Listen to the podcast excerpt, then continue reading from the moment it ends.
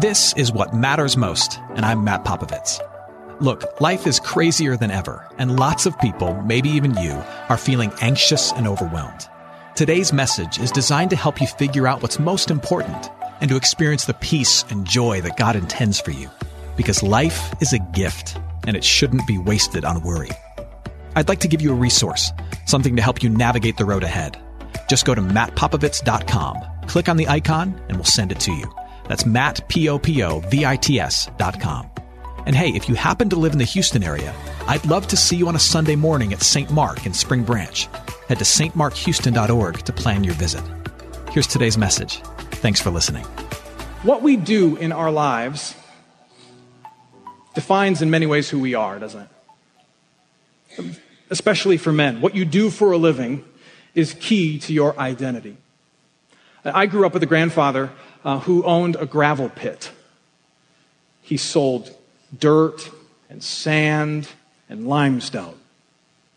We were in a small town just outside of Flint, Michigan, way up north. There were not any other gravel pits in town, so I was known as the kid whose family sold dirt. Combine that with a really pleasant last name like Popovits, and you have a lot of ammo for some great ridicule in junior high school. But that's what my family was known for. It, was a key thing to our identity. Popovits, dirt. I, I, I, fear for my, my daughter a bit as she grows up under the umbrella of, of being a pastor's kid. Because what I do for a living, many people want to, to have as part of her identity. And people will say things to me, I think they're, I think they're being nice. Well, maybe they're not being nice. They could just be jerks, and we'll find out.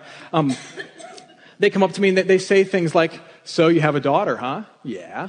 well, you know what they say about preachers' girls. right? And so, just to make it even more awkward, I always look at them and say, No, tell me. what do they say about preachers' girls? I haven't heard. That they're incredible? Because that's all I'm assuming, right? In this world, what we do is key to our identity. A good man will find his identity in his work. A godly man will find his righteousness in Jesus Christ. A good man will embrace the idea that, that what you do with your hands defines you, but a godly man will embrace the idea that what has been done for him by Jesus Christ is the ultimate thing that defines him. That what was done for him on the cross completely forgives him that what is, is promised him through his baptism is what drives him and fills him, God's Spirit.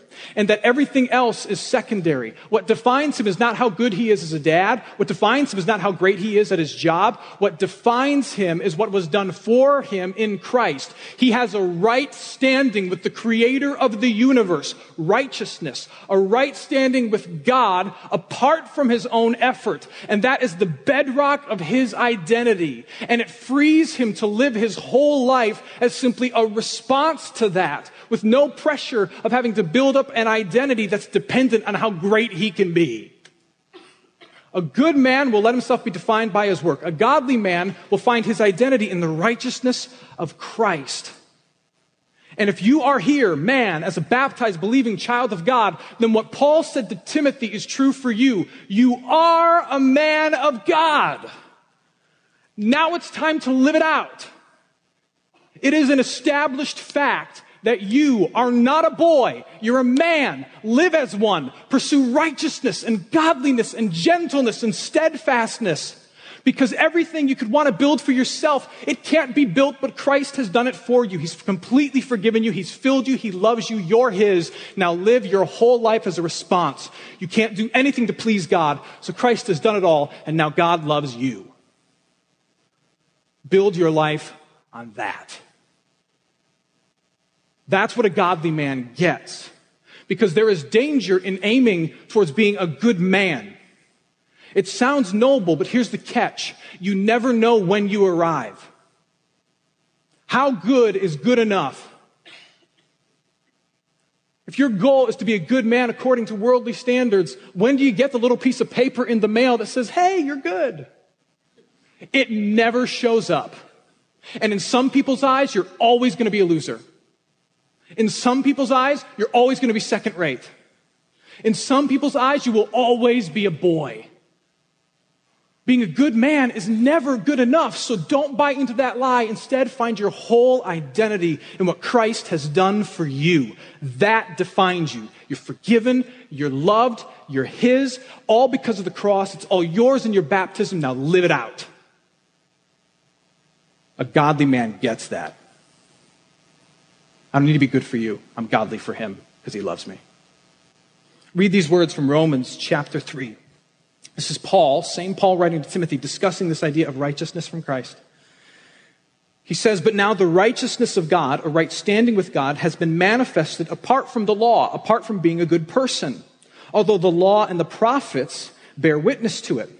The right standing with God, the righteousness of God through faith in Jesus Christ, for all who believe. For there is no distinction. All have sinned and fall short of the glory of God, yet are justified, declared not guilty by his grace as a gift through the redemption that is in Christ Jesus. Christ Jesus, whom God put forward as a propitiation, a payment by his blood to be received by faith. To find your righteousness in Christ means that all the work of Christ on the cross has been applied to you. And that's what defines you in the eyes of God, and that should be what motivates you as you work in the world. Let's keep going. We're going to stay in verse 11 and kind of inch our way into verse 12. Paul says, But as for you, a man of God, flee from bad things, pursue righteousness, godliness, faith, love, steadfastness. His last word is gentleness. And what's the next word after gentleness? Fight. Pursue gentleness, fight the good fight of faith. What I love in the picture of, of, of godliness and manhood that Paul is painting is that a godly man is both gentle and a fighter. He's gentle towards those who need it, and he fights for the right things. Now, as men, we kind of instinctively get the fight part. You don't have to teach a boy how to fight. Uh, an immature man, a boy, will go to great lengths to show you how tough he is. I'm tough. He'll wear, you know, hats with mesh, you know, to prove I'm tough, right? But a godly man will also show you how tender he is. And both of those things go hand in hand. A good man knows that he has to have thick skin. A godly man, according to the scriptures, will also have a soft heart.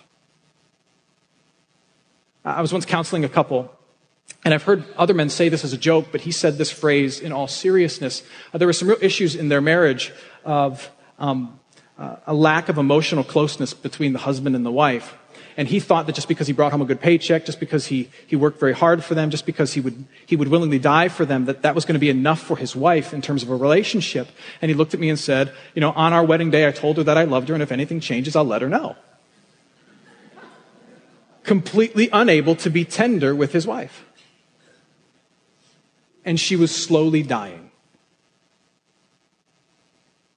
Because a real man is both tough and tender. He has both a thick skin and a soft heart. A C.S. Lewis has written much on the idea of, of godly manhood, and, and he often likens it to, to that of a knight in the era of chivalry.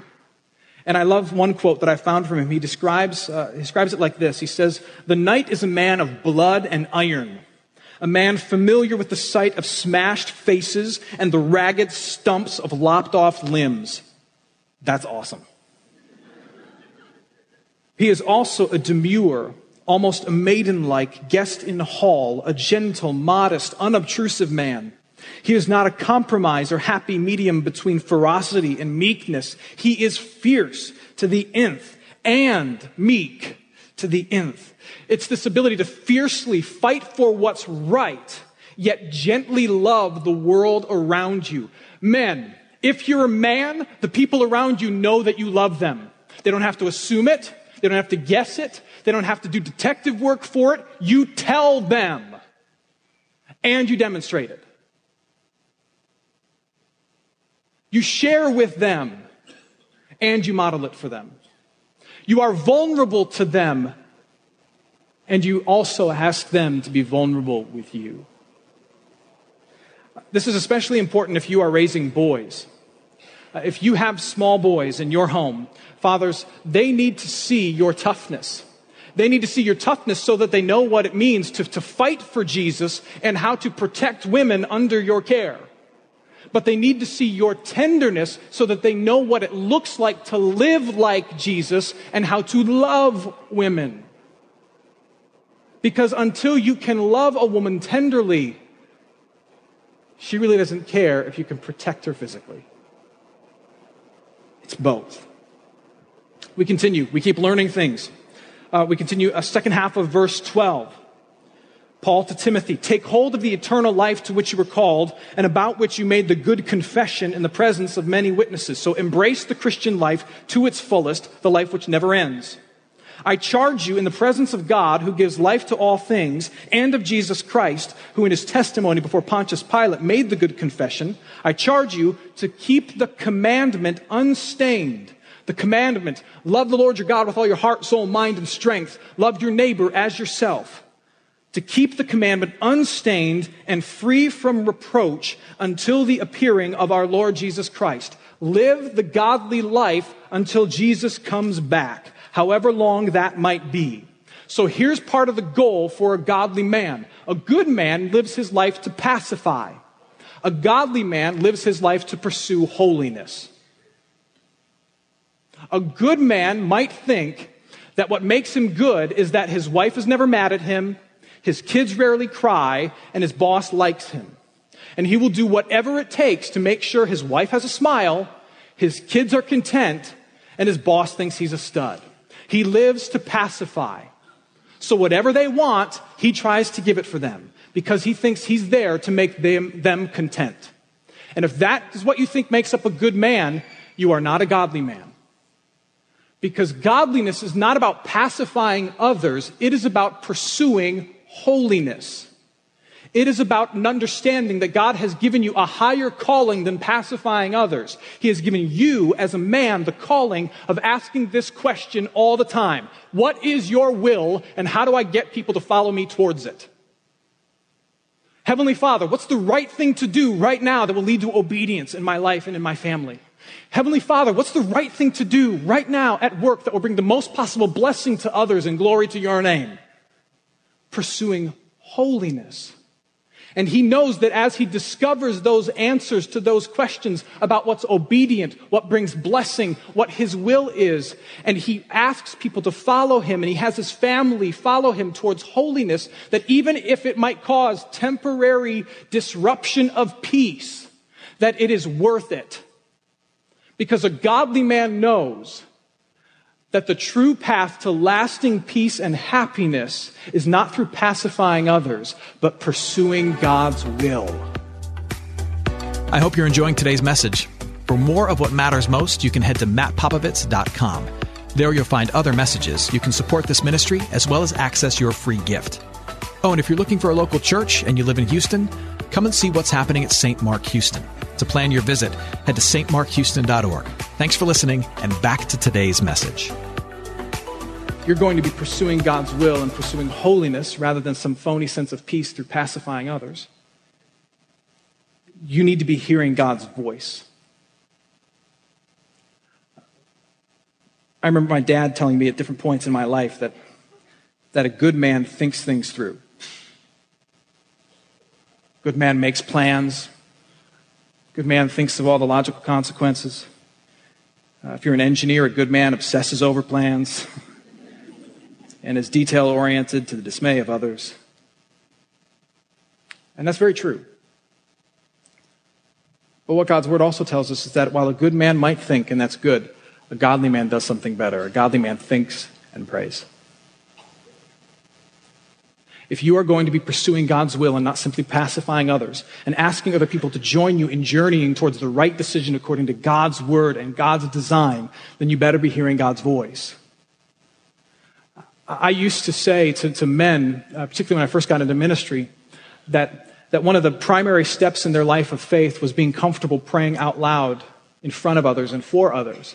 And while I still believe that that's a, that's a huge step, I no longer say that it's as critical in the beginning as, it, as I once did. And that's because uh, what I discovered is, as I was telling guys, well, you need to be comfortable praying for others. You need to be comfortable praying at dinner. Here, in this, in this classroom setting, in this small group setting, you, new guy, say the prayer. You need to make the step. I got a, a ton of a hesitancy and resistance. You would have thought I was asking guys to kiss their cousin. They're like, no, no, no, no, no. Don't do that. Mom always told me not to. Not going to pray. And what I realized, it was, it was profound for me, but simple for everybody else, was that the reason so many so called men were not comfortable praying in public was because they had no idea how to even pray in private. So it's not like I was asking them to do something publicly that they're already doing in private. I realized, oh, I understand. You don't pray at all. Like ever. I mean, you tell people you pray for them. What that means is you walk away and you say, Oh, hope somebody prays for him. You never pray. Listen to these words from Matthew chapter 6. This is Jesus talking about prayer. This is what he says.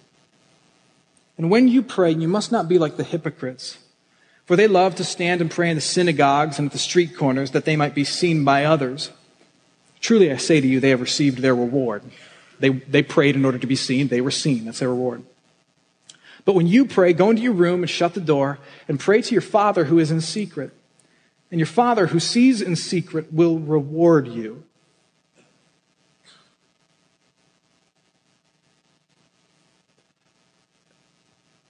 Men, if you pray, God promises to reward you. Wait, do you believe that? Do you believe that, that if you were to actually get over the awkwardness of it, you know, get over yourself and, and say something out loud to him in private, that he will reward you? I mean, that's a purposeful word. I mean, not reward you in the sense like give you a big boat, a nicer house, and you know, different children. Not reward you in that sense. but I mean, reward you in the sense that, that God will give you the things God promises to give. Like hope, a sense of peace, assurance that you're still a, you're still a loved man, even though you're, strugg- you're struggling at work or in, in, in the home man. A sense of direction about what to do next. Do you believe that if you seek him out and you pray to him, he will reward you? He will give you that. And if there's anything inside your heart that makes your head want to nod yes, then why don't you pray? Especially as you are saying and claiming to lead a family and you're asking them to walk in your footsteps towards good things and godly things. Men, you dare not ask any family to go where you don't have directions to. I mean, when it comes to getting to grandma's house at Christmas, you can fudge your way through that, and there's a whole lot of GPS to help you out. But when it comes to making decisions about, about your daughter with your wife on, her, uh, on your daughter's behalf, there's no app for that.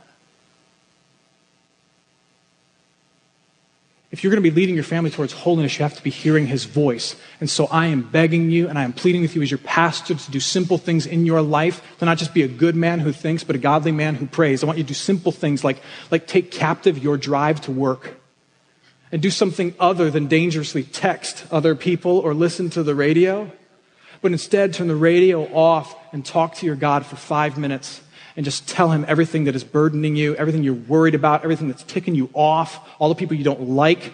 Tell it all to him. And ask him to do something about it. Ask him to give you peace.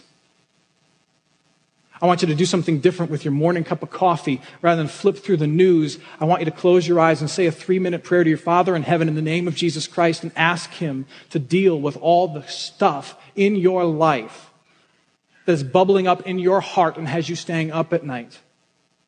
Or all the things that you know you should care about, but you really don't. Ask Him to give you a heart of compassion for this person in your family that is hurting. Give you wisdom for the issue at work. If you're like me and you need to, something that will capture your attention because you have a little bit of ADD, then, then when you first sit down at your computer at work, I want the first email that you open to be a blank page and just write out a prayer to God.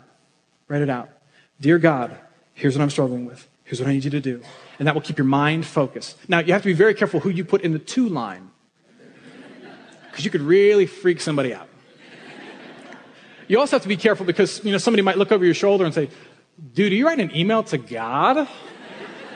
And then that fierce knight has to come out so you don't get embarrassed. Like, yeah. And it's all about you, right? a good man thinks, a godly man, in response to the grace that's been given to him, a godly man prays. Jump to verse 18. Uh, one of the greatest areas of growth in godliness is in how you manage your resources, men. Uh, this is Paul still speaking to Timothy, and he's, he's telling Timothy what to tell some very wealthy people in Timothy's congregations. And, and we are all wealthy. This applies also to Timothy and, and to us. He says, Tell them that they are to do good, verse 18, to be rich in good works, to be generous and ready to share because they are saved men, they must be generous men. Most guys wrongly think that a sign of maturity is saving.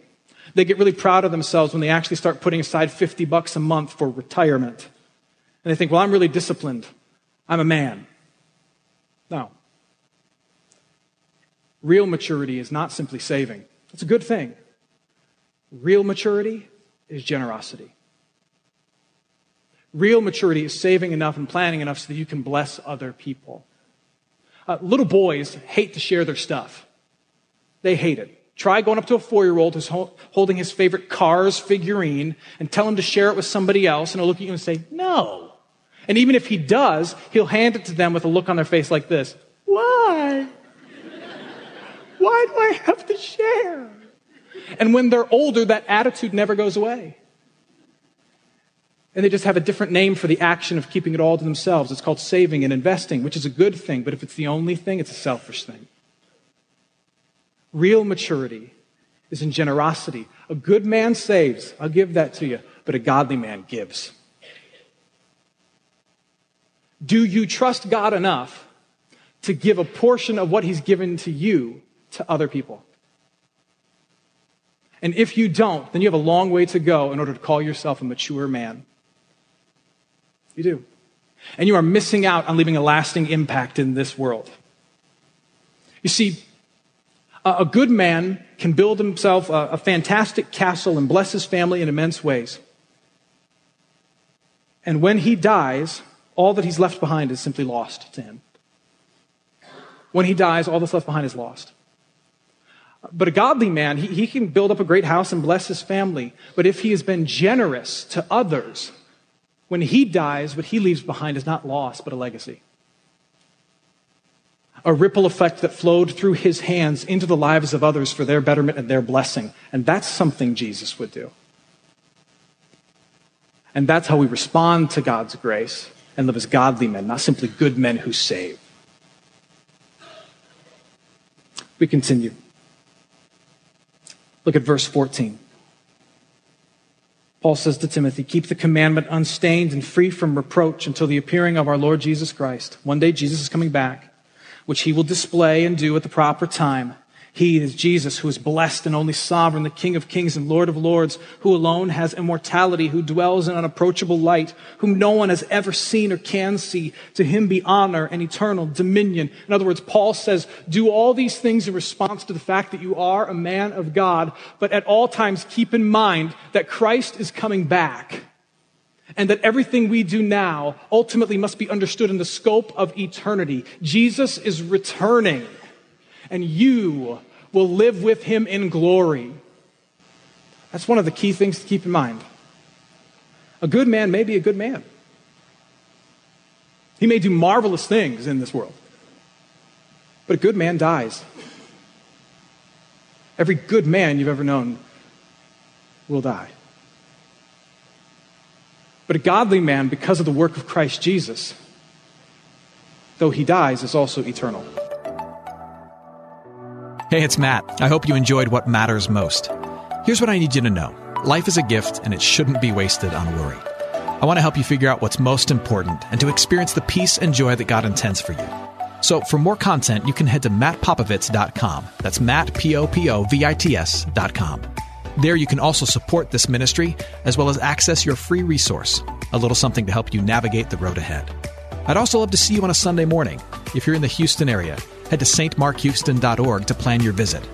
In the meantime, hit me up on Instagram at mpopovits or at facebook.com slash Ministries. Thanks for listening. Now go and hold tight to what matters most.